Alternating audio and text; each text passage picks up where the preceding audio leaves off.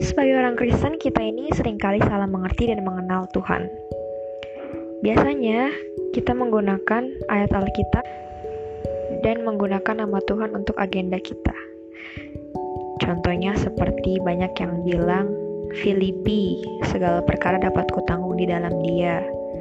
Kemudian Yeremia 29, rancanganku adalah rancangan yang penuh kebaikan dan damai sejahtera, dan lain sebagainya ia menggunakan ayat Alkitab. Untuk apa? Untuk diri kita, untuk memenuhi agendanya kita, untuk memenuhi keinginannya kita. Sebenarnya itu nggak salah, bagus. Karena firman Tuhan itu kan memang harus dibaca ya, memang harus dihidupi di dalam hidup kita. Bukan hanya mendengar tapi juga melakukannya. Itu bagus, tapi masalahnya semata-mata itu untuk kita, bukan karena kita mengasihi Tuhan, tapi karena masalah kita bukan karena Tuhan ya tapi karena masalah kita makanya kita pakai ayat itu pakai bawa-bawa nama Tuhan coba kalau nggak ada masalah apakah akan begitu jadi semata-mata kita nggak benar-benar mengasihi Tuhan atau menginginkan Tuhannya tapi itu terjadi karena masalah kita Nah, masalah itu membawa kita mendekat kepada Tuhan. Tapi setelah itu, lupakan masalah kita, fokus sama Tuhannya. Bukannya malah memperalat Tuhan. Memang Tuhan itu bank kita, tabungan kita alat yang bisa kita pergunakan sesuai dengan keinginan kita.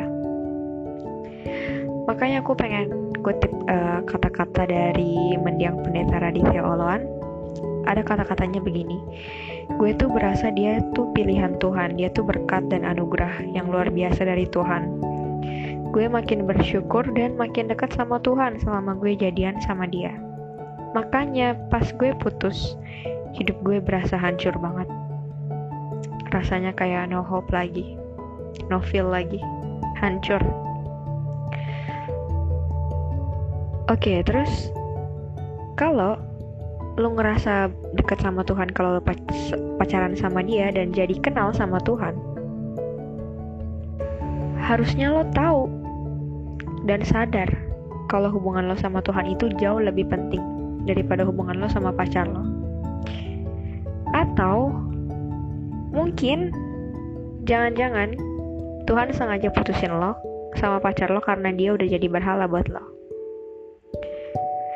Jadi kita kenal Tuhan. Cari Tuhan itu bukan cari surganya, bukan cari berkatnya, tapi cari Tuhannya.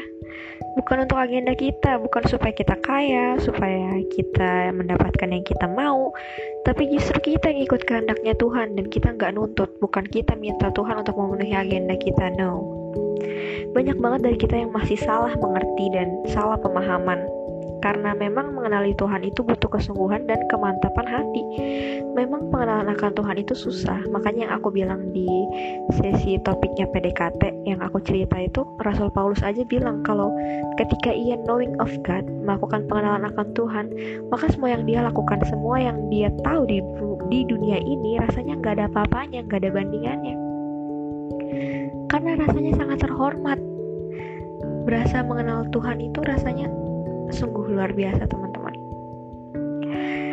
Dan aku mau bilang gak apa-apa kalau dalam proses itu namanya ada jatuh bangun. Iman itu bertumbuh perlahan.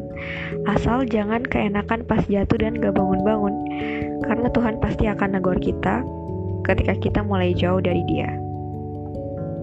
Good luck. God bless you